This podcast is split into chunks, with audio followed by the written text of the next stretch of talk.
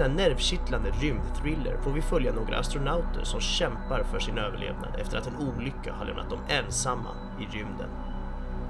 Filmen är skriven av Jonas och Alfonso Cuarón och den är regisserad av Alfonso Cuarón. I rollerna ser vi framförallt Sandra Bullock och George Clooney. Filmen hade premiär 2013, är en timme och 31 minuter lång och hade en budget på 100 miljoner dollar. På Oscarsgalan 2014 vann filmen så mycket som sju statyetter för bland annat regi, foto och ljud. Idag ska vi prata om Gravity. As far back as I can remember, I always wanted to be a gangster. The first rule of Fight Club is you do not talk about Fight Club. Did you eat all this acid? That's right. Music! What is real? How do you define real? Du är leksak! More people than you think, and more people each day. This is a world getting progressively worse. Can we not agree on that? Det finns bara ett ord för sådana som du. Och det är ondska. English, motherfucker! Do you speak it? I am the danger. Get away from her, you bitch! Are you not entertained? Are you not entertained? Why so serious? Ja, då säger vi välkomna till ännu ett avsnitt av Spoiler alert. Joel Keskitalo heter jag och med mig har jag den trogne Benjamin Gabrielsson. som vanligt. Jajamän. Och idag så djupdyker vi, kanske man inte, det kanske inte är det bästa talesättet när vi ska ut i rymden, utan vi snarare skjuter upp oss. Vi uppskjuter oss, går typ inte heller att säga, men vi åker upp i rymden och utforskar Gravity från 2013 om jag inte minns helt fel va? Stämmer. Ja, och eh, det finns en, eh, en kontext till varför vi valde just den här filmen, eller rättare sagt varför du valde den här filmen. Så du kan väl börja där. Vad fick dig att välja den här filmen? Men det var väl egentligen för att jag känner att jag ville ge den här filmen en till chans, typ. Eh, Jag har, trodde jag, sett den här filmen tidigare. Det visar sig att jag inte ens har sett klart den här filmen, vilket är extremt ovanligt för att vara jag, för jag brukar sällan stänga av filmer mitt i och jag brukar sällan somna i filmer och liknande. Men det här är ett sånt undantag. Det är en gång i tiden har satt på den här och somnat i den faktiskt. Och eh, med det sagt så, så är det egentligen inte filmen det beror på, utan det berodde snarare på att jag låg på ett konstigt ställe med en dålig tv med dåligt ljud och eh, eh, var nog väldigt, väldigt trött dessutom. Så att det var en dålig, jag gav den här filmen en väldigt dålig chans den gången och eh, jag är glad att jag tog om den chansen om jag säger så. Så att på den vägen är det någonstans. Jag pitchade det här till dig då att, men fan den här filmen eh, Gravity, har du sett den? Vad, vad ska, jag funderar på om vi ska podda om den. Du var inte alls speciellt sugen då, eh, för du hade sett den och du hade för dig att du inte tyckte den var så nice. Eh, eh, så att, eh, ja, vi stod och velade lite om jag skulle välja den här, men så sa jag, men fan, då väljer vi den så får vi väl förstå vad det är. Varför har jag kanske inte ens sett klart den en gång i tiden och varför har du eh, inte tyckt att den var så bra? Så att på den vägen är det nog. Precis. Eh, saken är ju det att, eh, som jag sa till dig precis innan vi gick på record nu, att ett av problemen jag har med den här filmen är att jag har Alltså det finns för mig, om man kollar eh, på själva storyn och allt det där, den delen jag brukar gå lite mer inför, så ser inte jag jättemycket intressanta saker att prata om. Och bara för att backa bandet lite. Jag såg ju premiären på den här filmen och du har alldeles rätt. Jag pratade inte speciellt väl om den här filmen, varken då direkt efter eller genom åren liksom, utan minnena från mina känslor efter den filmen var fortfarande att det var ganska Alltså jag vill inte säga... Då tyckte jag den var genomrutten, och det gör jag absolut inte nu. Det är också därför jag är lite glad att du valde den här, för det är alltid Ja, kul att nice. se... Jag menar, det har ändå gått 5-6 år Mm. sen jag såg den filmen, så man har ju hunnit uppdaterat sina egna... Ja men sin, sin smak kanske man kan säga. och man har börjat fundera och sett lite andra detaljer än vad man gjorde då. Jag menar, det, mycket hinner hända på 5-6 år. Ja. Så jag har ju mer respekt kanske man kan säga för den här filmen nu och jag tycker det finns intressanta och väldigt välgjorda detaljer som vi ska gå in på. Mm. Men eh, jag minns också väldigt tydligt varför jag inte tyckte om Åh, den. Så det är väl det, exakt, det är väl lite det vi ska diskutera. Gud vad kul. Men eh, ja, det ska bli riktigt kul. Så, men du var den här filmen och eh, du kan få börja också om du känner för det. Bara berätta nu. Mm. I och med att du nu äntligen tog tiden och faktiskt såg igenom den. Hur var, hur var känslorna direkt efter slash under filmen. Vad, vad tyckte du spontant om den? Spontant så kände jag under filmen framför allt att det här var väldigt, väldigt spännande. Det var liksom det här att jag satt på spänn hela tiden. Jag kunde inte riktigt slappna av. Det, det var som, jag hade svårt att lista ut vad som skulle hända och jag tyckte att den kändes ibland som att, ja ah, men det här har jag sett förut, nu vet jag vad som ska hända. Men så ändå så bara, ah, fan, eller är det det som kommer hända? Allting kan typ hända. Eh, det var det här spänningsfaktorn som jag tyckte levererade riktigt bra under filmen och eh, efter filmen så kände jag verkligen en, en glädje och eh, ja men något så här, eh, ett rus av fan vilken bra film. Det tycker jag verkligen. Och eh, jag tror tror att det kan ha, det har ju med massa olika anledningar att göra, det kommer vi in på, men framförallt också för att jag gick in med så extremt låga förväntningar eftersom du hade ju markerat att ah, den här tycker jag inte riktigt om och jag själv hade liksom sagt ah, jag tycker nog inte heller riktigt om den. Eller va, vad tycker jag? Jag har knappt sett klart den. Ah, jag var alltså, väldigt oklara tankar från min egen sida också, vilket gjorde att jag, jag var så extremt, eh, ja, jag hade extremt låga förväntningar. Så ah, det blev väldigt bra till slut. Spontana tankar var woho, jag älskar den. Så, mm. nu sa jag det. Där Oj. ser man, det är ett ställningstagande om jag, om jag någonsin har hört det. Ja, det, är... det är ju roligt att det springer ju ganska kontra mot mitt ställningstagande. Ja, gud vad för, för en gång skull. Nej då, det är inte så illa om jag ska vara helt ärlig och jag kan förklara nu vad det var ja. som... Eh, det, det, är ett par faktorer som då back in 2013 som fick mig att ogilla den här. Mm. Och den första punkten är förväntningar, ärligt talat. Ja. För jag minns väldigt tydligt vad det var jag hade för sorts förväntningar när jag gick in i den här filmen. Tänk dig, jag vill bara att du ska gå in i min state of mind just nu. Så, ska, så tror jag du kommer förstå idén direkt. Mm, mm. Så blunda Benjamin, yes. blunda lyssnare. Föreställ er nu Interstellar. Föreställ er att ni ska gå in och titta på Interstellar och allt vad det innebär. Jag ska inte spoila vad som händer på Interstellar ifall ni inte har sett den filmen, men ni som har sett den filmen och vet vad det är för slags film, föreställ er bara att ni tror att ni ska se Interstellar. Och ni ser Gravity istället. Jag gick in med förväntningar att Gravity skulle utforska Gravity. Det vill mm. säga, vi ska pusha gränserna här nu till outforskade områden. Vi mm. ska in i svarta hål och experimentera vad slutet på Gravity kan betyda. Vi ska ut bland stjärnorna och se omlopps, eh, eller vad säger man, stjärnor i omloppsbana med svarta hål som eh, hotas att suga in andra galaxer. Ja. Och jag vet, alltså jag, jag, lägger helt och hållet skulden på mig själv här. Jag minns inte varför jag gick in med de här förväntningarna. Men det var den sortens förväntningar jag hade då. Mm. Och jag kommer in, och vi rör oss inte ens utanför jordens omloppsbana. Och inte nog med det, det är en så, det är en så liten setting ja. att vadå? Vi rör oss med tre karaktärer. Mm. Två karaktärer och sen en karaktär och sen ett par röster liksom. Så jag tycker här att man kan pinpointa vad förväntningar verkligen kan göra med en. För du och jag har ju ja, pratat väldigt mycket hållen. med det här. Precis. Vi har ju pratat väldigt mycket om att det här är ju en av anledningarna till varför man inte vill se trailers längre. För det bygger ju upp då en föreställningsvärld. Och om den sen mm. inte går i uppfyllelse, då blir man oundvikligen besviken. Och jag var väldigt dålig på att hantera förväntningar också då, back in the days.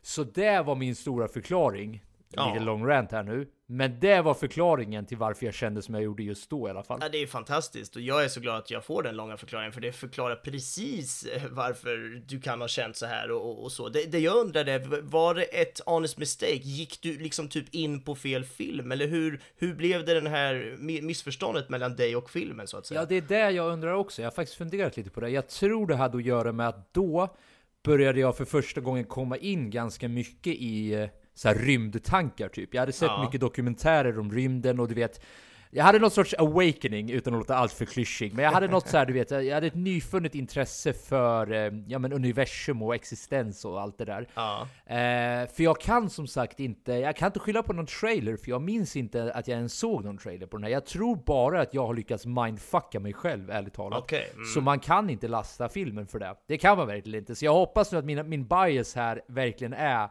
förklarad så att folk förstår vart jag kommer ifrån när, när jag såg den här den gången. ja, precis. För jag tänker att det är just det här med att du trodde att du skulle se Interstellar, för de kom ju ändå med nästan ett år emellan sig, eh, alltså premiärerna, men det kanske just var att du hade Alltså det är det jag försöker förstå. Trodde du... Ja, nej, nej, nej, nej. Den liknelsen gjorde jag mest bara för att ni skulle förstå liksom vilket state of mind jag var i. Jag hade inga tankar överhuvudtaget på Interstellar, Aha, alltså som film, utan okej. jag menade snarare det var den sortens äventyr jag förväntade mig. Interstellar levererade allting som jag trodde Gravity skulle leverera. Okej. Så det var snarare det det handlade om. Jag ber om ursäkt ifall jag var otydlig. Nej men då är jag med, då är jag med, då är jag med. Men eh, för det, det hade ju inte varit helt omöjligt eftersom de ändå kommer ganska tätt in på varandra, Gravity och Interstellar, att du skulle kunna varit ett missförstånd om vilken faktiskt fysisk film du skulle gå och se. För det har du ju varit med om någon tidigare gång. Var det inte Ja. du och typ Johan som skulle gå och se, vad var det för något? Jo, det stämmer. Det är precis det du säger stämmer. Och innan jag svarar på vilken film det var, det kan mycket väl vara så här. Jag minns bara inte att det var så där, så jag kan Nej, säga det med säkerhet. sedan, Men konstigt. filmerna vi, eller jag mixade ihop, det var ju, jag tror inte Passengers. Ja. Eh, och eh, Arrival. Jag, tro, Just jag det. trodde jag hade gått in och satt mig och kollat på Passengers. Eh, sen såg jag att det var helt andra skådespelare och då blev jag helt golvad för jag älskade ju Arrival. Jag tyckte det var Ja. det, nästan årets film. Vilket år det nu kommer, jag kommer inte ihåg. Typ 17 Eh, jag och Johan, vi, vi, bara, vi bara tittar på varandra under filmen och bara vad i helvete är det här? Ja. Det här är helt sjukt.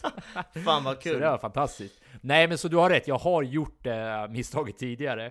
Men med det här sagt så har jag ju då försökt att börja om bandet. Och jag ber om ursäkt nu till er lyssnare som vill att vi ska komma till poängen, vad jag tyckte om filmen. Men så, med det Ja. här sagt då. Spontana tankar, så gillar jag den ju såklart mycket mer nu. Men jag förstår samtidigt mig själv också varför jag inte tyckte om den. Minus alla de här förväntningarna jag precis pratade om. För det finns vissa grejer som jag ser, inte som filmproblem kanske, men bara grejer som jag inte riktigt går igång på. Men jag kommer gå djupare in på det. Spontana tankar var mycket bättre än vad jag mindes den, men fortfarande inte jättebra. Så, så skulle jag vilja landa. Ja, ja, men vad spännande. Kul, kul att vi känner så olika för en gångs skull. Ja, så nu har jag rantat på ett tag. Vill du börja gå in på vad du tyckte var bra med själva storyn, handlingen, filmen innan vi dyker in på ditt favoritområde? Och där finns det saker att prata om. Ja, det det Men verkligen. börja du, vad tyckte du var bra med den då? Ja, men alltså det går ju inte att inte nämna det redan nu, men det tekniska i den här filmen är ju så nära vi kommer ett jävla mästerverk skulle jag vilja hävda. Alltså det är sinnessjukt vilka grejer de gör och det kommer vi såklart djupdyka i, så jag ska inte säga för mycket nu, men det framförallt är ju en stor anledning till att jag verkligen älskade den här filmen, rakt rent ut sagt. Ehm, så, men, men när det just kommer till storyvägen så håller jag med dig om att det finns inte jätte jättemycket att snacka om just eftersom den känns ganska enkel, den känns simpel, den är tydlig, den är eh, Alltså den försöker inte göra någonting den inte är och den, den, den bara är ganska så pang på. Så därför håller jag med om att det, vi, vi har inte oändligt mycket att prata om när det kommer till själva storyn. Så frågan är vad, vad jag ens ska nämna. Det finns några små detaljer som jag gillar sådär som jag skulle kunna lyfta upp, men det kanske inte är någonting bärande för själva storyn överlag. Så frågan är kanske om du har någonting bättre att komma med just när det kommer till det. Ja, i så fall så kan jag väl ta det jag inte tyckte om Ja. och det var mer än vad jag tyckte om. Alltså, Okej. tyvärr så ser jag det så här lite att ska du göra en sån här, och återigen, jag pratar ju om lyssnarna inte har förstått det här vid det här laget, så jag pratar ju bara om mina personliga jag har ju ingen liksom bakgrund i film, jag har ingen utbildning i film. Det här är bara vad jag ser, vad jag hör, vad jag tar in. Ja, så bara ha dig... Ja, det är min upplevelse. Men jag tycker ju att det var väldigt fattiga karaktärer, ärligt talat. Och jag förstår i och med att det är väldigt begränsad tid att lyckas göra en, eh, ja, men en hållbar karaktärsutveckling. Men jag kan ändå inte släppa det faktum att jag har sett filmer med den här sortens speltid som har lyckats så mycket bättre. För det jag menar är att jag var totalt ointresserad av hennes öde. Jag vet inte om det är en kombination av Sandra Bullock som skådespelare Ja. eller om det legit faktiskt fattades en del. För jag kunde, alltså jag- hon var som vilken människa som helst. Och ja, det kanske räcker. Jag menar, det är klart att det är intressant att följa ett människoöde. Men ska det vara en sådär pang på upplevelse som ska vara någonting mer än att showcasea det tekniska. Då tycker jag man ska ha någon sorts känslomässig ankare som får mig att bli mer och mer intresserad av deras öden. Och jag kände varken det med George Clooneys karaktär eller med Sandra Bullocks karaktär. Det var så här, ja det här är två randoms uppe i rymden. Och jag, jag ska snart släppa in det, men jag vill dra en snabb liknelse bara. Jämför till exempel First Man. Och eh, jag vet att den var längre, så de har that going for them. Men där brydde jag mig om nästan varenda karaktärs livsöden. Och då pratar jag om karaktärer som bara hade haft, du vet, 15 minuter screen time kanske. Där lyckades de på något sätt ändå göra mig intrigued. Jag ville verkligen veta och jag ville att det skulle gå bra för de här. Men det var någonting som gjorde att jag inte fastnade för de här karaktärerna. Så det är väl den första observationen jag har. Får jag höra dina tankar om just, Ja, om just det det är där? jätteintressant. Jag, jag tänker ju spontant att det, som du säger, det här är ju en ganska kort film och de har kanske inte den tiden att presentera eh, karaktärerna på. Jag tänker också att det framförallt beror på att filmen är ju en sån här som vi pratade om för, för några veckor sedan, in medias res, alltså att vi bara blir inkastade direkt i filmens handling. Här har vi ingen tid för att presentera karaktärerna. I First Man till exempel så är det väl, vadå, en timme eller en och en halv timme innan vi ens åker upp i rymden där vi bara är med familjerna liksom på, på jorden. Här är vi ju direkt uppe i rymden. Det finns inga karaktärsprestationer. Prestationerna är väl några repliksutbyten i, i dialogen som sker i, i första scenen, men jag tror att det är nog den största anledningen till att man inte lär känna karaktärerna, för att vi blir bara helt inkastade i deras vardag inom citattecken. Det här är ju kanske ett ovanligare uppdrag för dem, i alla fall för Sandra Bullocks karaktär, men, men just att där har vi ingen tid att presentera dem, vilket gör att vi kommer inte lära känna dem lika mycket, vilket gör att det är svårare för oss att, att känna den här, eh, att vi känner med karaktären. Emotionella kopplingen typ. Precis. Så att, nej, jag, jag förstår verkligen varför du kände så, men jag förstår också varför filmen gjorde som de gjorde och inte försökte göra det här. Ja, för det, det kan mycket väl handla om att jag kanske inte gillar det här formatet då. För jag som är en snubbe som, som går igång på det här ganska långsamma och jag älskar liksom dialoger mellan karaktärer och jag älskar, du vet, story, inte, det behöver inte vara djupa stories nödvändigtvis, men välskrivna berättelser. Och jag, alltså jag vill heller inte, alltså det är så svårt för mig att prata om det här, för jag fattar allting du säger, verkligen. Men jag kan ändå inte tycka om filmen. Så det, det handlar väl om att jag i så fall, som sagt, inte är så förtjust i det här formatet. Nej, och det måste För du ju inte. jag fann henne mest irriterande, om Okej, jag ska vara ja. helt ärlig. Nej men intressant, för jag tänker ju också att precis som du säger, det här är nog i så fall kanske inte en film i din smak och tycke. Eh, just för att du inte får den eh, prestationen du kanske vill ha. Jag tycker ett, ett, ett, intressant exempel skulle ju kunna vara när vi kollade på eh, Tjuvheder och poddade om den. För där kastas vi också bara in direkt i pe- personens eh, vardag, hon Minna som vi får följa. Men där kändes det som att du inte riktigt reagerade på samma sätt med att du inte tyckte att du kände henne. Men det kanske var för att det hände så mycket personliga saker med henne på en Nej gång. men det där är faktiskt en jävligt intressant jämförelse, och förlåt om jag avbryter det här nu, men Nej, jag, jag tänker så här att den filmen hade mig just för att den var så relaterbar. Och då pratar jag inte nödvändigtvis om att jag var i någon av karaktärernas livsöden, men mycket tror jag hade att göra med den svenska settingen som kändes så familjär på något sätt. Annars kanske samma sak hade hänt där. För Ah, Fast nej, jag vill ändå inte tro det. Jag tycker att den filmen ändå lyckades leverera intressanta karaktärer genom alla dialoger de Ja, hade. Jag landar nog vid att det har att göra med speltiden, säger man så?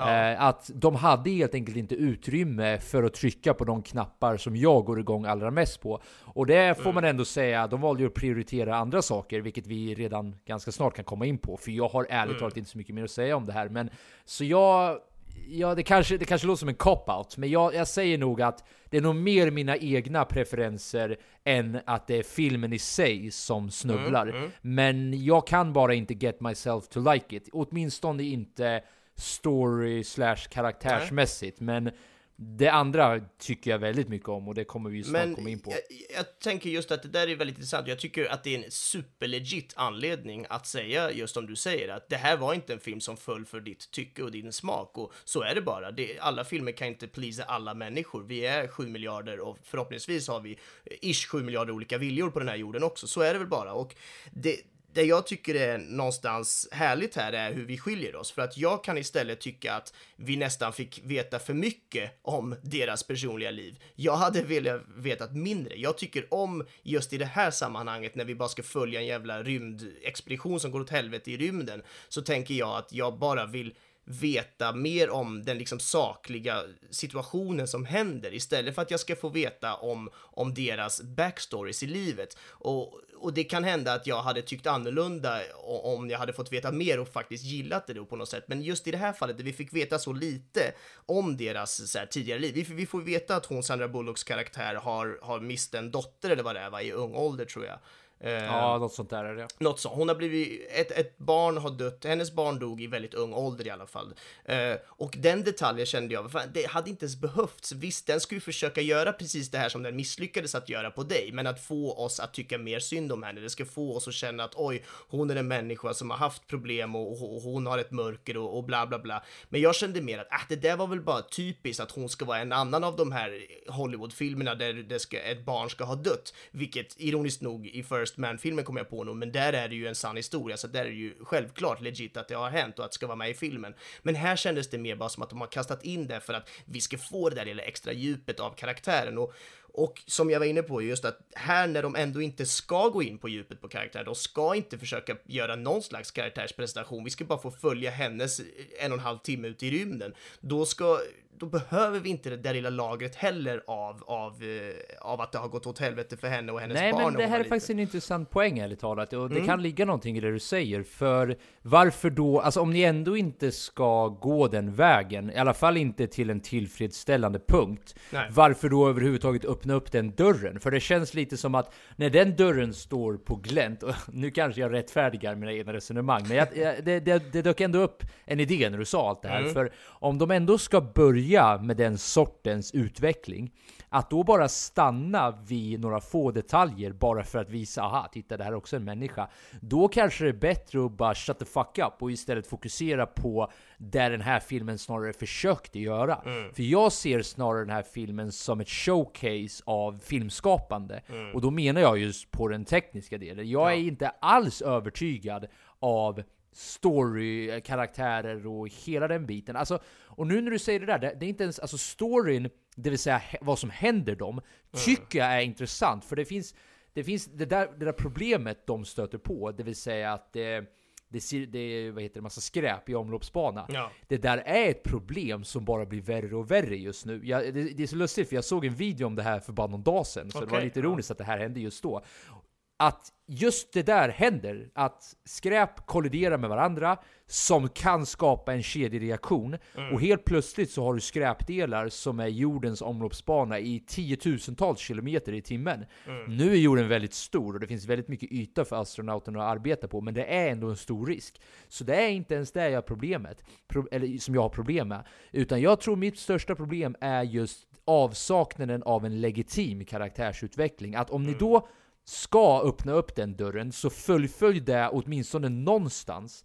Nu kändes, nej återigen, jag, är, jag var inte övertygad av Sandra Bullock och inte George Clooney heller. För mig var George Clooney George Clooney. Han var samma jävla typ som han är i alla filmer. Och det får man väl ge honom. Han är ju den han är liksom. Han gör ju ett strålande insats. Men han var den där du vet såhär snygga, halvkarismatiska, skämtande ja, hjälten. Goofar omkring där. Ja, jag var inte övertygad där heller. Jag tänkte såhär, nej, jag gillar inte det här. Och, ja, så eh, det här var en, någon sorts sammanfattning på din poäng där. Men jag, jag, jag håller med dig där om att varför då ens, why even Ja, bother? nej men precis. Och det, det känns som att där möts vi ändå, även om vi tycker olika av, av det, det, det stora hela på något sätt, så, så tycker jag att nej, gör ingenting alls. Skippa hela hennes barngrejen och allting. Bara satsa på att visa hur det går för två jävla randoms ute i rymden istället. Eh, det, tycker jag verkligen. Och för att följa på ditt spår med George Clooney-karaktären, det var en av de andra eh, punkterna på, på min kritiklista också, var just att jag tyckte det var, framförallt hela den första scenen, för mycket goofande runt att han ska åka runt och spela någon jävla countrymusik och berätta sina stories och, och han är liksom, ja det är hans sista uppdrag. Och äh, det kändes bara så här, vad fan, kan vi, kan vi inte bara försöka göra det seriöst nu? Jag vet inte hur det är i rymden, jag har inte varit där, obviously. Och, varför eh, inte? nej, faktiskt inte. Och det finns nog många andra som, som kan det här mycket mer än jag såklart. Men, men just att jag, jag tror ju inte att han bara kan glida runt där och gå och dra roliga historier och typ prata om Sandra Bullocks ögonfärg och sådär. Utan det känns ju bara så här, men fan kom igen, håll käften, sköt ditt jobb, gör ordentligt. Om han inte åker runt där med sin jävla rymddräkt bara runt och runt och runt så hade de ju till exempel haft mer bränsle för att kunna överleva båda två och så vidare, vilket känns som typiskt sådana eh, säkerhetsgrejer man borde ha i rymden. Att åka inte runt och slösa på det jävla bränsle. Ifall olyckan inträffar så ska du ha full bränsle i din dräkt eller vad vi nu vad det nu heter. Du förstår vad jag är ute efter här, att Absolut. det känns bara som att det, det var mycket sånt som skulle vara lite mer Hollywood, lite mer roligt, det skulle vara George Det skulle Clooney. vara mer George vara liksom- Clooney, eller hur? Ja, exakt. Och det var det jag kände att, ah, det där hade ni kunnat skippa helt. Bara, antingen ta inte in George Clooney, eller om ni tar in honom, få honom att göra något annat än vad han gör i alla andra jävla filmer som han är med i. Så att, nej, där möts vi också att det, det kändes helt onödigt och det var ju det som jag tyckte egentligen var det sämsta med filmen. Eh, ja, just att de försökte vara en annan rolig, skön film, men det var inte där den här filmen var. Den här filmen var ju ett jävla seriöst så här, olycksfall, vad som kan hända i, i rymden, som skulle försöka vara väldigt realistiskt dessutom. Och nej, det, det var väldigt, eh, ja det var synd Ja, för alltså, och eh, det här kommer bli den sista kritiken jag har om det, för eh, jag har inget mer än så ärligt talat. Men jag tänker också så här angående Sandra Bullocks karaktär. Är inte hon hopplöst okvalificerad för att vara på ett sånt där jävla uppdrag? Jo. Alltså det känns som att allting som, allting som hon borde veta visste hon inte. Hon visste liksom inte, jag fattar att det, det är inte lätt att liksom navigera en kinesisk farkost. Men det kändes som att, du vet såhär, ja, jag har åkt några simuleringar ett par gånger och jag kraschade om och du vet såhär, ja men det är Ja. lugnt, du löser det här. Det kändes så jävla, du vet, eh, vad heter det uttrycket? Det- Tillhöftat, man bara höftar till. Bara, ah, men det är klart du ska med upp i rymden. och jag vet inte heller hur the procedure ser ut när du skickar upp folk i rymden, men om man tittar på First Man, det känns ju som att de, alltså så mycket träning och så mycket förberedelse de fick. Ja. Det känns ju som att de, de hade ju stenkoll på allting, och ändå kunde saker gå fel. Hon kändes, jag, jag förstod det också som att hon var ju specialiserad inom ett visst Exakt, område, but ja. still, ni, vi är liksom uppe i rymden vi pratar om. Du- Man ska ju kunna alla de här grejerna då. Alltså, det, det gjorde mig lite mer irriterad och jag, jag tror som sagt att, eh, alltså, ni kära lyssnare som har varit uppe i rymden kanske kan beskriva för oss hur det funkar ifall vi är hopplöst vilse här ute. Ja, jag antar att alla utom du och jag. Men eh, nej, jag tyckte också det blev lite cheesy på det nej, men sättet. jag, jag håller med dig och det, det finns verkligen så, sådana aspekter man kan fundera på. Är det här rimligt eller inte? Men som du säger, det, det skulle väl, de försökte väl visa på att hon var någonstans specialinriktad på någonting, någonting, forskning, någonting, någonting som gjorde att hon egentligen bara var uppe där för att skruva på fyra muttrar där som bara hon kunde göra. Nu förenklar jag det här jättemycket, men såklart, nå- någonting sånt som, som bara hon kunde göra. Och Men att hon egentligen inte... sånt? Ge oss i så fall mer vad det, vad det där någonting sånt är för någonting. Ja, Här men är det vi- kanske var något som du och jag missade, eller? Ja, det kan det ju för sig mycket väl ha varit. För de pratade väl om olika datachip och någonting hit och dit, men du vet, jag... Jag gillar hur vi bara, är det datachips här, det var ju något de skulle skruva någonstans. Ja men det var ju den bilden man fick, du vet, hon stod och drog ut någon stor mutter och sen något jävla kretskort där som svävade omkring och man bara okej, man förstod ju att det var så här, det här är viktigt. Det var något men- viktigt ja. ja, men det var också så här, ja, jag, jag- jag förstår att hon, ja men så här, de, de, ville ju väl bara att hon skulle vara uppskickad just för det här och därför har hon inte fått så mycket träning. Om det är så det går till på riktigt har jag ju ingen aning om. Det, det, som du säger så låter det mer rimligt att vi utbildar istället typ en astronaut att göra de här jobben som hon gör än att låta hennes eh, yrkesgrupp få bli astronauter. Jag vet inte vad som är enklast. Det kan ju hända att det hon har, kan är så jävla svårt att det är lättare att lära upp någon av, av hennes yrkesgrupp till att bli astronauter. I don't know, men det kändes lite platt där också. Jag håller med om det.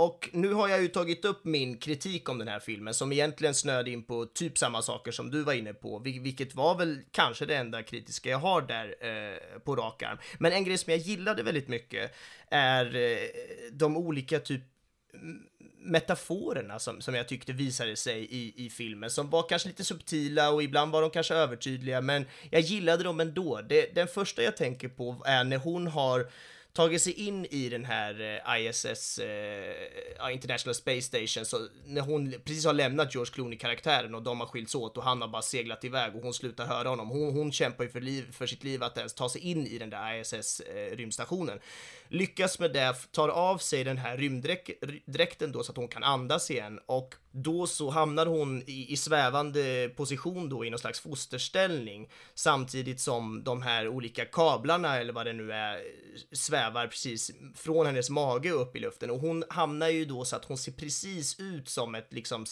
embryo eller, eller ett, eh, ja, ett foster helt enkelt i en sån eh, fosterposition med, med, med, då de här kablarna som någon slags navelsträngsliknelse. Jag tyckte det var skitsnygg den bilden, för det var också ganska rund miljö där med den här runda dörren i bakgrunden. Och jag, jag gillade den liksom liknelsen att hon då fick komma tillbaka och känna sig, hon fick luft, hon blev liksom den här lilla utsatta bebisen igen på något sätt, blev på nytt födelse nästan eh, av hennes, eh, ja med hela den upplevelsen hon hade varit med om. Och ja, jag gillade det väldigt mycket. Det fick mig att tänka på eh, en fotograf som heter Lennart Nilsson som, som plåtade väldigt mycket, eller han, han var banbrytande med att börja fotografera foster inuti människokroppen. Det han gjorde var att han använde titthålsoperationer eh, då, att man gör ett litet, litet hål och kan ta in en kamera inne i magen och på så sätt få väldigt häftiga bilder på sådana här embryon och foster.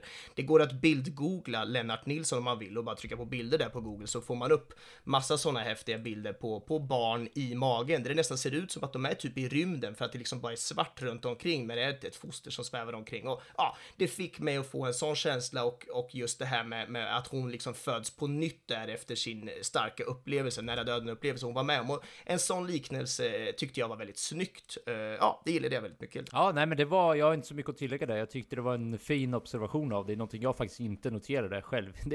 Jag kanske fortfarande var omvälvad av min irritation ja, på varför jag fortfarande inte tyckte om den. Nej, men eh, jag, jag kommer ihåg alla scener du pratar om nu och eh, ja, uh, I can respect that. Ja, härligt. Jag, jag, springer vidare för det är två till sådana här exempel jag har och den andra är ju då strax efter det här när hon är inne i den här Space Station. Hon har ju precis försökt kontakta George Clooney-karaktären igen då med, med ISS själva den farkostens egna liksom komradiosystem men inte lyckats med någonting. Då tittar hon ut eh, genom fönstret och ser ner på jorden och då är det någon sån här jätteorkanliknande storm på jorden som hon tittar på. Och hon har ändå den här liksom längtan i blicken att hon nästan hellre skulle vilja stå där och känna liksom vind och rusk och, och regn och liksom hela den stormen på sig än att vara den här ensamma, ensamma lilla liksom bakterien som hon i princip blir då i stora ensamma rymden och det var fanns någon snygg liknelse där också som jag bara tyckte ja, det var härligt att se hennes blick, att man, har aldrig sett en person längta sig till en stor orkan på det sättet. Det var, fanns någonting, eh, ja, bildligt snyggt som jag gillade med det. Kanske inte riktigt en metafor som den förra var, men, men ja, någonting fanns det där ändå. Eh, det där är ju faktiskt en intressant punkt som många astronauter eh, som har intervjuats tidigare har pratat om, det vill säga mm. vad det är för sorts, eh, ja men vad man känner för sorts känslor uppe i rymden ja. och vad man får för sorts perspektivsförändringar. Och det jag minns är att många började, eller många ska jag inte säga, jag lyssnade på intervju från en snubbe. Jag tror det var Chris Hadfield, ifall okay. folk är intresserade. Han var på Joe Rogans eh, podcast, en timme lång typ. Riktigt intressant podcast, jag kan verkligen rekommendera den. Men jag kommer ihåg eh, att han då pratade om att man ganska snabbt började liksom nästan distansera sig från jorden på ett sätt som, ja men tänk dig vår relation till andra länder till exempel. Mm vi har en oss-dom mentalitet och då menar jag inte nödvändigtvis på ett aggressivt sätt. Man brukar ju i politik till exempel prata om du vet oss-dom. Antingen är det oss eller så är det dom som ett mm. zero-sum game. Men det är inte riktigt det de försöker förmedla här, utan det de menar är att man känner sig snarare på något sätt utanför jorden, vilket man då är. Alltså det, det, blir en längtan efter att komma hem, mm. förutom att det knappt känns som ens hem längre. Det, för när de det här dök upp under deras kommunikationer när de skulle kommunicera tillbaks till jorden. Tidigare brukade de prata som ett us. Eller jag kommer inte ihåg hur, hur de fraserade säger man så? Mm. How they phrased ja. it. Men de började ändra benämning på jorden, så det blir snarare Earth is contacting us. Medan först var det typ att Home is contacting ah, us. Okay. Det var inte exakt de orden, men det var något sånt där. Mm. Och nu vet jag inte om det riktigt var relaterbart till det du sa, men jag bara fick upp den bilden du sa att de tittade ner mot jorden längtansfullt och liksom ville hellre vara där än just där. Ja, härligt. Ja, men det känns ju precis som, som det där som på något sätt hennes blick skulle spegla den där längtan och känslan av att jag är inte en av dem, men jag vill så gärna vara en av dem. Även om det jag ser är en jävla orkan så hade jag hellre suttit liksom mitt i den än här uppe i den här ensamma tysta, tysta rymden liksom. Så att ja, det gillade jag. Sista exemplet jag har på de här metaforerna, eller vad vi ska kalla dem, är på slutet, eh, nästan, ja det är absolut sista scenen, när hon liksom har kraschlandat där i vattnet i den här sjön och hon eh, tar sig ut ur den här farkosten. Det simmar förbi en liten groda där under vattnet nära kameran. Det tyckte jag om. Varför en groda och varför inte en fisk? Det tänker jag har någonting med det jag ska komma till att göra också. Men då när hon till slut då så tar hon sig upp ur vattnet och kravlar sig upp på land och liksom ligger där och kysser sanden för att hon är så glad att vara tillbaka på jorden. Det förstår man ju verkligen. Fantastisk eh, känsla måste det vara. Och då när hon vänder sig upp mot, mot himlen så, så ser hon då ännu mer sånt här skrot eller vad vi kallar det, debris som faller ner som ser ut som någon slags meteorregn där eh, som, som faller ner. Och då fick jag den här känslan av att ja, det är väl kanske de här liksom första spåren av, av någon slags bakterier från yttre rymden som eller jag fick en sån liknelse som metafor till, till när, när människor, eller när liv på jorden ens blev till. Just att det kom kanske någon, någonting, någon bakterie, någonting från någonstans, landade i havet, bildade liksom något slags djur, kanske grodor och liknande. Där kom grodan in i det hela och att det på något sätt ledde till att djur till slut började kravla sig upp på land och det är där hon nu också gör. Hon kravlar sig sen upp på land. Hon nästan skrattar till för att hon knappt kan gå. Hon liksom verkligen försöker ta hjälp och sen tiltar kameran upp när hon väl ställer sig upp och filmar rakt upp på henne och hon känns som en så här, ah, nu har jag erövrat det här på något sätt. Just den kameravinkeln också, ner, grodperspektiv som det också ironiskt nog i det här fallet kallas. Just att man filmar nerifrån, från en grodperspektiv upp för att göra någon en person stor och stark på det sättet. Att hon liksom har erövrat den här marken nu och att hon då stapplar iväg och tar sina första steg där.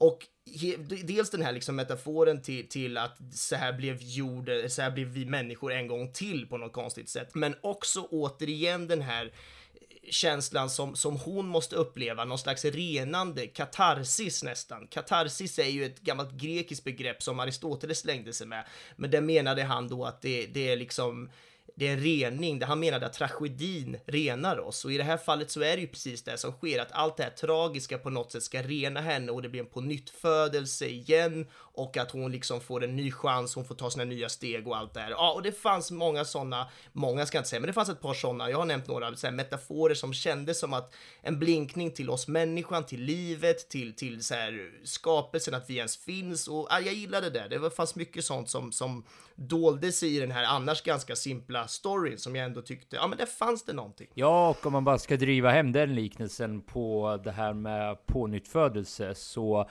det var ju, om man ska hitta ett av alla teman här, så var ju ett av dem just hennes pånyttfödelse, att hon skulle börja ja. leva livet på riktigt. Nu efter att hon Eller... hade förlorat sin, eh, sitt barn.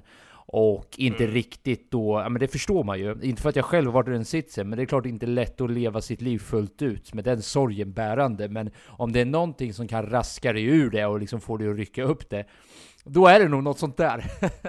så jag ja, menar, det där pånyttfödelsetemat funkar ju i och med att man får ju se det också när det här hallucinationen av George Clooney säger åt henne Exakt. att eh, du måste börja leva livet. Det är ju egentligen då mm. hon själv som säger det. Så det där, ja. när hon landar där på ja, när hon är där vid sanden och kysser marken så är det på något sätt slutet mm. på den resan att ja, nu ska hon då förhoppningsvis börja leva livet igen. Ja men precis, och det, då knyter det på något sätt an till den här hela, hela den tesen jag hade med pånyttfödelse, precis som du säger, det var ju jättesnyggt du knöt ihop det där, men också det där med, med, med de exemplen jag hade, det här med att hon Eh, det här embryoliknande situationen hon var i först och hon verkligen såg ut som ett litet foster i en mage då hon ännu inte var född. Hon var liksom inte riktigt redo. Men när hon väl sen landar på jorden och kravlar sig upp ur vattnet, det är då hon verkligen har fått sin pånyttfödelse, sin katarsis om vi nu så vill kalla det där. Men ja, jag tyckte det var väldigt härligt eh, med sådana små inslag. Ja, och eh, det där är faktiskt eh jag måste säga det är en bra jävla observation av det, för det där lyfter den ändå lite för mig. Om man nu ska hitta någon sorts röd tråd i den här storytellingen mm. så skulle det ju kunna vara hennes pånyttfödelse då. Att ja. hon börjar med den sorgen och den liksom mentala tillståndet. Åker upp till rymden, får sig en riktig omruskare, landar på jorden och sen pang. Förhoppningsvis då kan hon börja leva livet. Så ja, det, men det höjer ändå lite hos mig. Ja.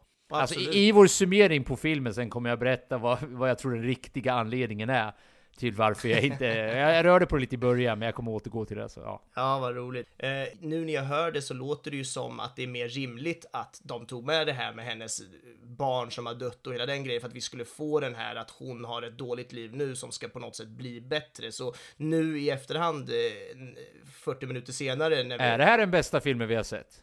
Vad sa du nu? Är det här den bästa filmen? Blev det den bästa filmen?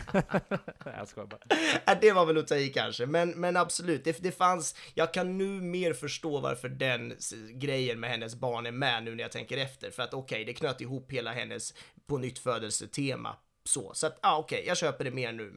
Nu tror jag eh, att jag är Jag, ganska jag, klar. jag, tänker, jag vågar inte ens fråga längre, för de gånger jag har frågat så är det bara Nej jag har ett till! En till! Precis. Så jag väntar på vad du säger. Nej men jag- så här, en jätteliten grej, bara, bara på skoj då. Jag tyckte en rolig detalj var att när hon kom in på de här olika rymdskeppen, om det liksom var ISS eller om det var ryssarna eller om det var eh, ja, kinesiska. Hon kom ju in på liksom lite olika rymdskepp där det var olika kulturer som hade vistats i de rummen, så kunde man ju se spår av det. Det var olika liksom religioner som, som, som visade upp sig. Det fanns en Buddha liksom där som, som, som kameran tittade lite extra på när, det, när hon var inne i det kinesiska skeppet och, och någon Jesus Maria liknande bild på, på, jag tror det var i den ryska delen av, av ISS eller vad det nu var. Så att jag tyckte sådana små detaljer var lite roligt att på något sätt så försökte alla vända sig till sina olika gudar, men att de gudarna kan inte hjälpa dig här uppe, för här uppe är det bara liksom rymden, det finns, det här är liksom ovanför Gud, om man nu vill tro på Gud. Så att jag, jag gillade de små detaljerna också. Ja, men då så. Ska vi gå in på vart den här filmen verkligen skiner? Det tycker jag, verkligen.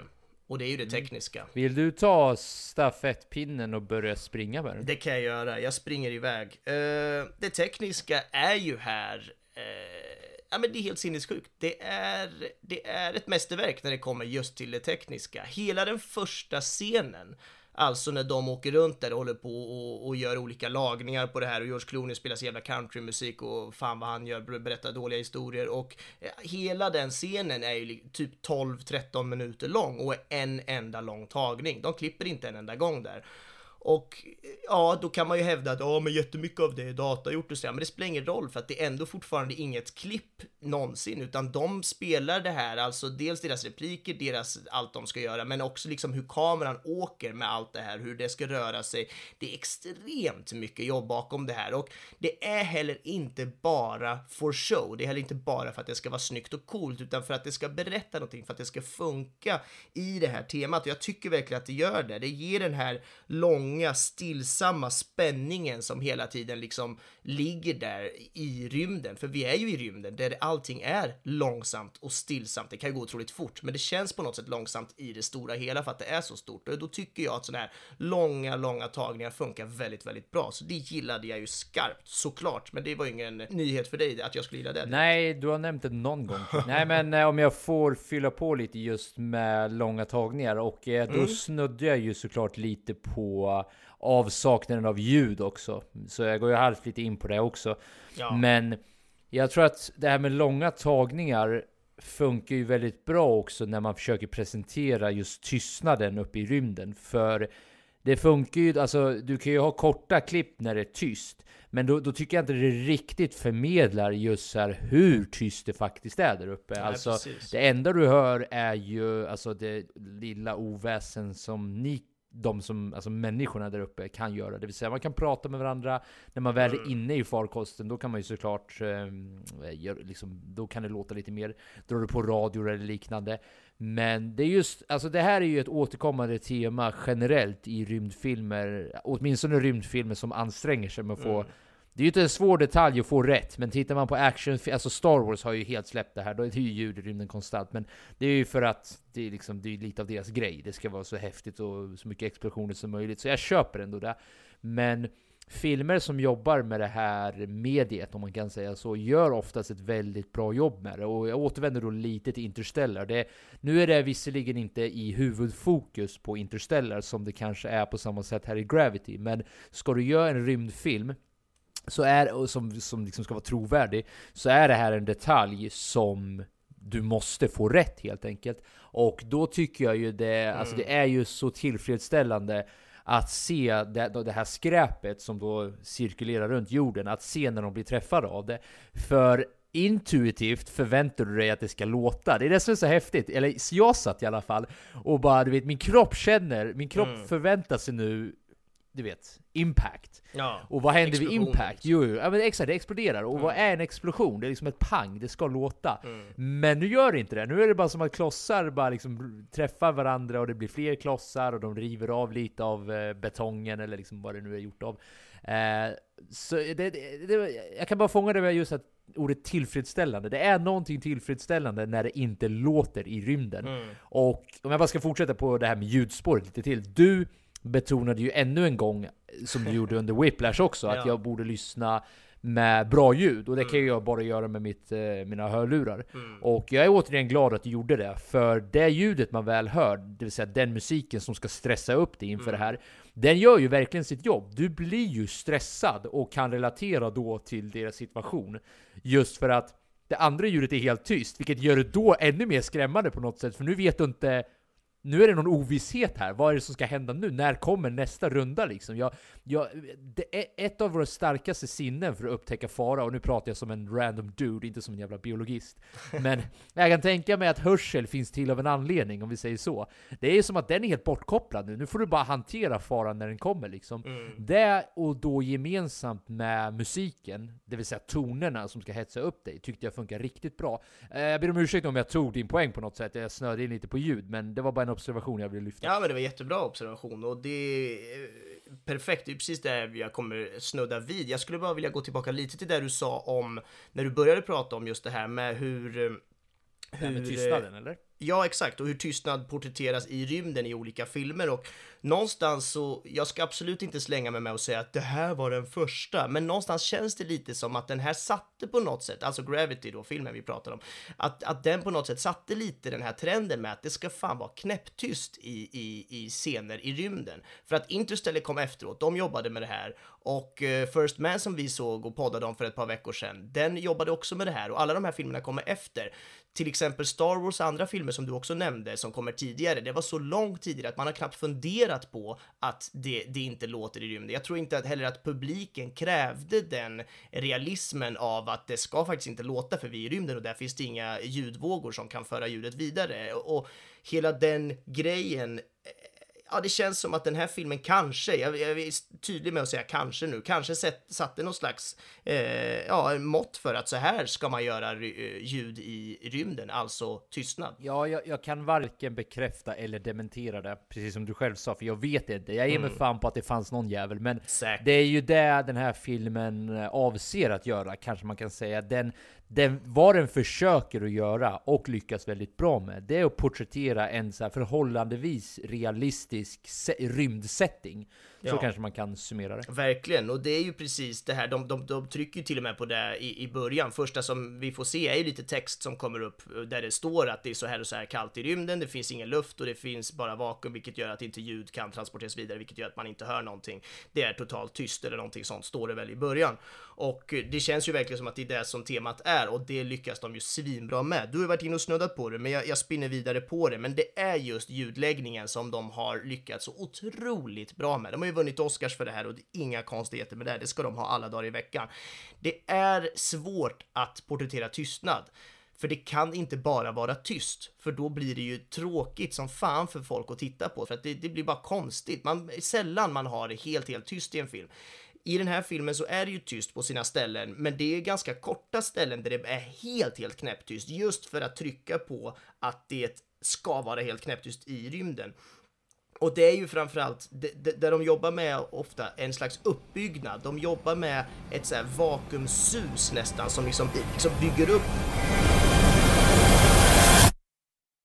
och sen helt plötsligt blir det superknäpptyst för att kontrastera då till den här uppbyggnadskonstiga ljuden vi har hört innan och då blir det så extremt påtagligt med den här tystnaden. Men sen när vi väl är i rymden och till exempel de håller på och, och reparerar det här precis i början då första scenen där, där hon, eh, Sandra Bullocks karaktär får, får skruva på de här olika delarna på skeppet. Då är det ju inte knäpptyst utan då hör vi ju till exempel deras röster i de här hjälmarna, vi hör andetag, vi hör också ljud från de här olika mekaniska grejerna de gör på skeppet, men vi hör inte de ljuden som att vi står där bredvid dem och det låter. Vi hör ljuden som att vi satt typ i skeppet. Ljuden studsar liksom snarare i skeppet och det låter som att det är liksom under vattnet på något sätt. It's been a rough week. It makes you feel any better, I coughed up everything but my kidneys on my first ride. Och det, det är väldigt, väldigt snyggt och det är sådana detaljer de har jobbat med under hela filmen för att på olika sätt porträttera tystnaden. Och där det egentligen ska vara helt knäpptyst så är det inte riktigt knäpptyst utan de jobbar med att göra det på andra sätt. De liksom lurar oss. Vi hör ljud men inte riktigt för att vi ska förstå att aha, här är det egentligen tyst. Och det är där jag tror de vinner på i längden. En annan sån grej är ju till exempel när, när vi får åka, kameran åker i, i vissa sekvenser i, helt plötsligt in i hjälmen hos en karaktär. Sandra Bullock till exempel i början av filmen när hon slungas ut i rymden och bara flyger iväg utan kontroll där då, då får vi följa med henne hela vägen och så helt plötsligt så ska kameran in i hennes liksom rymdhjälm och då ändras ju ljudbilden totalt och vi får höra liksom, vi är i samma rum som henne, vi hör hennes andetag, vi hör olika små surrande elektriska ljud från typ hennes olika eh, siffror och grejer som kommer upp på rymddräkten och vi hör även hennes hjärtslag och liknande.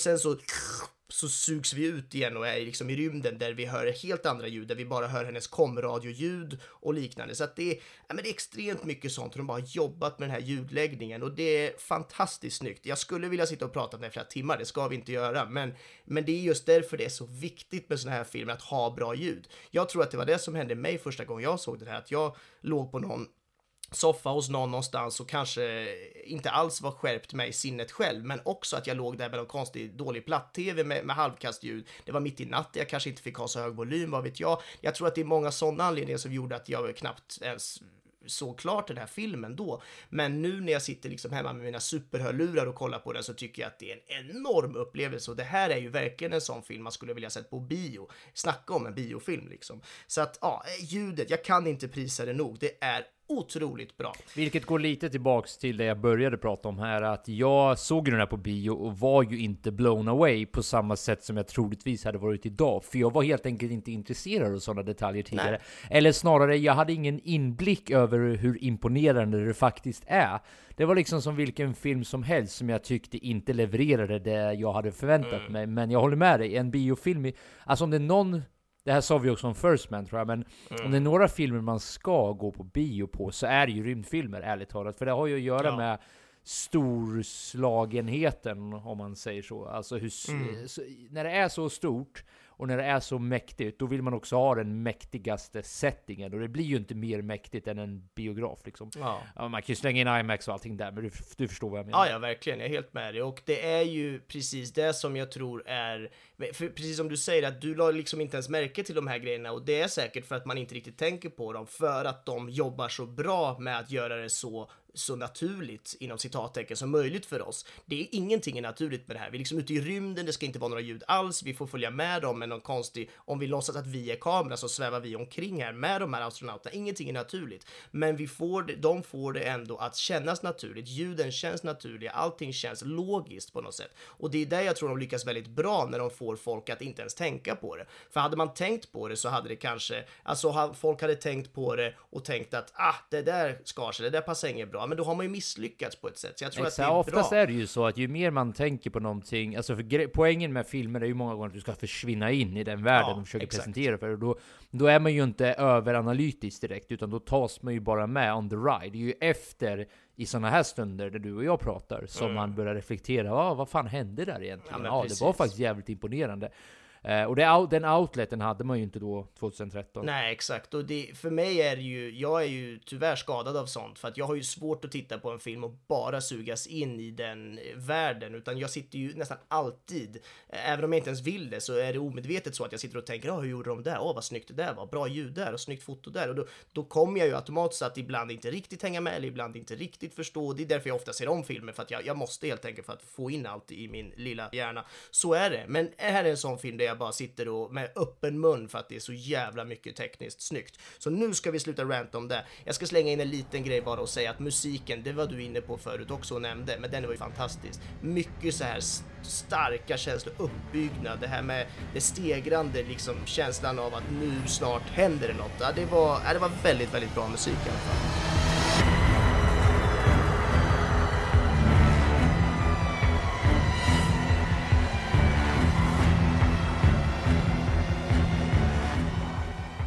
Nej men eh, då rör vi oss vidare mot eh, bilden då, och jag vet ju redan att du har jättemycket att säga där också, men låt mig bara öppna upp med alltså den uppenbara observationen att hur snyggt filmat är inte Alltså generellt allting. Men bilden av jorden är ju för fan magisk ju. Alltså där är det ju som att vara i, ja men bland dem basically. Och Ja. du lyfte det lite tidigare avsnittet, det här när man kunde se ner på orkanerna också. Men samma sak när man bara kunde se belysningen av städer och liknande. Jag har alltid tyckt att de bilderna är så jävla imponerande, för det säger också, och jag, ska inte bli överdrivet djupare filosofiskt nu, men det säger också någonting om människans eh, achievements, att vi ändå, vi lyser upp jorden till den graden att det syns utanför jorden. Det, alltså, det här, de här strecken av städer vi har byggt, det, det är lite som så här julpynt nästan, apropå så här, holiday season och allting. Nej men det, det var riktigt vackert tycker jag, och att de då får med sådana detaljer också, tyckte jag var eh, ja, riktigt bra. Och sen, bara sådana här små subtila grejer också, som den här lilla eh, flamman som bara du vet flöt förbi, eller svävade förbi i bakgrunden. Kommer du ihåg vilka jag pratar om när hon är i eh, en av de här Ja, rymdstationerna? Precis, innan det börjar brinna. Bara en sån grej, att de liksom, de gör ingen grej av det, de showcasear inte, kolla vad vi kan, men den är ändå där liksom, och de har ju fått den detaljen rätt också. Tror jag, jag är ingen fysiker så jag vet inte om de fick det där rätt, men det ser väldigt imponerande ut i alla fall. Ja, verkligen. Och jag kan inte annat än att instämma. Vi var ju inne och snuddade lite på fotot. Det var ju så jag öppnade det här tekniska. Sen gled vi över på ljudet nästan omedvetet för att det var så, så överrumplande för oss båda att börja prata om det. Men det är ju otroligt snyggt foto och det är ju väldigt, väldigt mycket som är datagjort. Jag tror att det är, det kommer väl på Trivia sen, men jag tror att det är typ 80% av filmen som är liksom eh, CGI, alltså datagjord helt enkelt. Det måste den ju typ vara, förlåt om jag avbryter det här nu, men det, den måste ju nästan vara det, för det går ju inte att filma, alltså det är ju inte lätt att filma från rymden. Men så jag tycker inte, alltså CGI får ju ibland en bad rap av både dig och mig, för vi uh, det är bara massa CGI i den här, fuck det där, det ska vara autentiskt. Men jag tycker CGI funkar, alltså när CGI funkar så är det ju svinbra. Ja, Absolut. det var bara en liten instickare. Ja, verkligen. Och framförallt så är det ju när CGI är på det sättet att du inte ens tänker på den, att du knappt tänker på att det är CGI, utan då är det ju verkligen i sitt esse och det är då det funkar som bäst, för att då, då är vi ju där. Vi sitter i rymden och vi får se jorden och allting. Det är klart att vi inte gör det. Det är klart de inte har kört upp en fotograf och en kamera i rymden, utan de har gjort det här i något litet datalabb någonstans. Men, men så att det är ju helt eh, makalöst snyggt, både liksom foto och eh, ja, men allt det tekniska med, med hur det ser ut. Det är väl det man kallar i USA för eh, cinematography. Det är ju liksom det som syns i bild helt enkelt och det var ja, otroligt imponerande. Och eh, jag tror vi redan har rört rätt så mycket på skådespelarinsatserna. Jag tycker jag var ju inte imponerad av Sandra Bullock speciellt mycket ärligt talat. Och George Clooney var George Clooney för mig. Så tyvärr har inte jag jättemycket. Det kändes heller inte som att det var... För mig var det inte där filmen sken ärligt talat. Och jag gick redan igenom varför. Så jag ville bara slänga in det så att vi ändå har täckt av den. Har du någonting du vill inflika där? Ja, jag fyller gärna i och håller inte med. Jag tycker Sandra Bullock är svinbra. Jag tycker hon Ah, är, intressant. imponerande. Jag, jag, jag blir verkligen fångad i, i hennes skådespel. Jag tycker hon gör det riktigt jävla bra om jag ska vara ärlig. Hon blev ju också nominerad för en eh, Best Actress eh, Oscars för den här rollen. Eh, intressant då tänker jag är att Johnny Depp till exempel blev ju inte nominerad för ett jävla skit sist eh, för den filmen, men, men många tyckte ju ändå att den var bra, så hur mycket man nu ska lita på Oscars och lita på sig själv, det, det är någonting man får, får väga in såklart. Men, men ändå intressant att eh, jag kände inte så mycket för Depp sist och du kände inte så mycket för Bullock nu. Vi har lite olika, eh, ja, känslor. Ja, men det är skönt att det börjar hända. Det hade varit för tråkigt om vi bara satt och höll med varandra hela tiden. Så det är skönt att vi får någon sorts Ja skiljelinje exakt. någon gång. Ja men det är härligt. Sen håller jag med dig om Clooney. Jag tycker han är ju verkligen bara en Clooney ute i rymden. En en klon av Clooney. En Clooney ute i Ja. rymden, det tycker jag vi ska döpa podden till. Så att det, det var bara, eh, ja, trams helt enkelt. Jag tyckte inte att det behövdes och det hade kunnat varit vem som helst som spelade den karaktären. Så vi släpper honom helt enkelt. Men eh, jag tyckte mycket om Bullock. Cred till henne. Eh, ja men som du har sagt eh, tidigare gällande favoritscen så är det svårt för mig att välja en. Alltså här var det riktigt svårt för mig för det kändes som att hela filmen nästan bara var en, det var liksom för kort för mig för att kunna ha en scen som stod ut väldigt mycket. Men skulle jag välja någon så är det väl den du beskrev lite när hon kom hem till jorden igen och när hon, du vet, när hennes farkost liksom sjönk mot marken och hon skulle simma ut därifrån, hon drogs ner av sin dräkt. Alltså vi, vi var liksom inte Ja. bortom faran än, utan det kändes som att skulle hon överlevt allt det här bara för att drunkna?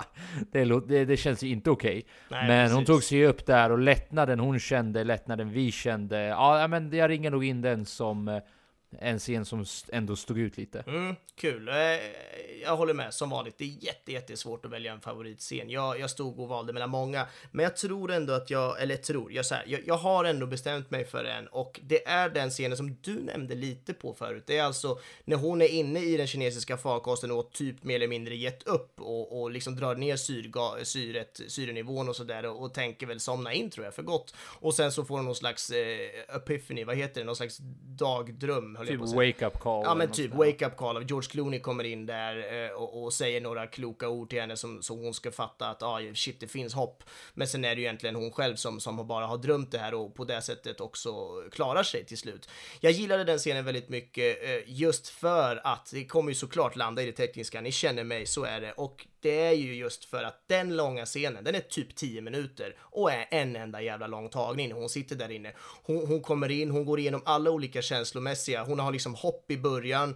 Hon, hon visar sig att hon, den hon tror hon får kontakt med, mayday-kontakten, och jävla eh, radiostörning eller någonting från någon snubbe som hon inte alls fattar någonting av. Han har ingenting med det här att göra på något sätt, kan inte hjälpa henne.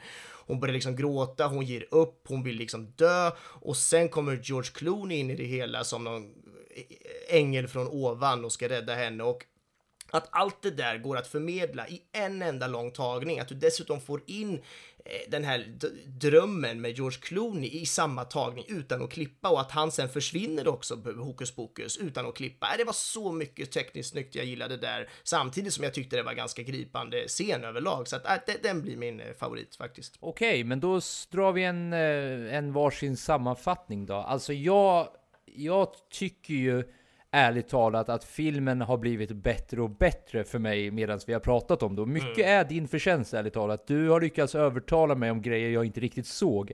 Och jag tror att anledningen till varför jag hade svårt att se dem är nog för att jag är påverkad av hur jag såg filmen tidigare. Ja. Och jag har alltid sagt, varje gång någon har frågat mig har jag alltid sagt att nej jag tyckte inte alls om den. Vilket inte var en lögn. För jag, jag tyckte verkligen inte om den när jag såg den. Och Nej. det är delar i den jag fortfarande inte tycker om, som jag nämnde i början. Men nej, I'm, I'm coming around to it. Jag tycker att grejerna vi lyfte och ju mer vi pratade om den så kunde jag ändå se vad den försökte förmedla. Men det är bara min personal quirk. Det var någonting som gjorde att jag inte riktigt fastnade för den. Så det är min summering. Ja, synd och eh, säger jag, men du, det är ju klart eh, synd för att du inte fick en lika härlig upplevelse som jag tycks ha fått och jag landar ju istället i att jag älskar den. Jag, jag gick ju in med extremt låga förväntningar och blev ju jätteglad när jag såg den. Den var spännande, den var, eh, ja men sådär, jag visste inte vad som skulle hända, den chockade mig flera gånger, men framför allt vilket tekniskt jävla mästerverk det är och, och sådana grejer kan ju få mig att helt tippa över åt olika håll. Så att den här fick mig att jag tyckte liksom om filmen i sig, men tack vare det, allt det tekniska så blev det istället att jag verkligen älskade den. Så, så det var väldigt roligt. Lämna gärna era åsikter i kommentarerna så får vi höra lite ifall ni, vart ni landar i den här. Det vore intressant att höra om ni har och Det är ingen och som lyssnar på oss Joel. Det är ingen som tror lyssnar, men eh, det är alltid kul om framtida entiteter gör det och ser tillbaka på klenoderna vi lämnade efter oss. Så kanske ni kan lämna en kommentar och inte för att vi då kommer läsa om inte vi har blivit in, så här, inkopplade i någon sorts superartificiell intelligens. Men det har vi väl? Ja, det har vi ju. Så Ja. ni som hör det här, lämna för fan en kommentar. Det tycker jag vi är värda. Härligt. Eh, nu har du lite roliga fakta om den här filmen och sen så ska vi runda av. Ja men precis, och de här lite roliga fakta som vanligt hittar ni ju på filmens eh, IMDB-sida. Eh, så trycker man på Trivia så finns det massa roliga fakta. Idag så var, eller den här filmens eh, olika Trivias var väldigt långa och liksom lite halvkrångliga så jag kommer dra bara ett par stycken ganska kort och det passar ju bra eftersom vi börjar bli väldigt långrandiga här. Ehm, men med öppningsscenen, det har jag ju redan varit inne och snackat om, men från liksom första eh, scenen på jorden, eller första bilden där vi får se hela jorden, tills att det är alltså 12 och en halv minut senare, så, så när hon då slungas ut i rymden, Sandra Bullock, hela den är liksom en enda lång tagning utan klipp och det är ju, ja, imponerande det här rymdskrotet som vi får se, vad, vad ska man kalla det? det? Ja, men det är rymdskrot, det kanske är så vi kallar det. Det är olika debris, Cascade of Debris skriver de här, är ju då ett riktigt scenario som finns på riktigt. Du har ju redan varit inne och, och snuddat vid det här förut. Eh, men det kommer alltså då efter att en NASA-forskare som hette Donald J. Kessler eh, kom på den här teorin redan 1978 och har ju då insett att skulle det här ske, att typ en International Space Station storlek på grej skulle börja gå sönder och det sprids nära delar. Det skulle ju innebära att, att det här sprids i, i vår omloppsbana och skulle då göra att vi inte kan lämna jorden på flera decennium för att det är liksom så, så farligt att ens röra sig i, i de områdena. Så att eh, ja, det, det finns på riktigt och är helt eh, sanningsenligt. Eh, så det är lite coolt.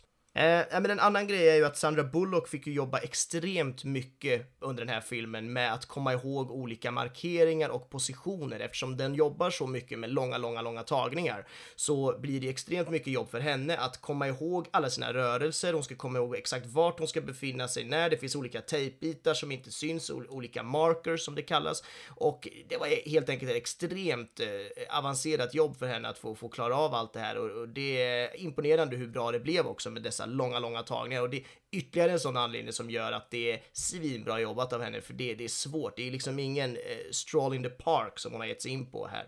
Så att eh, bra jobbat.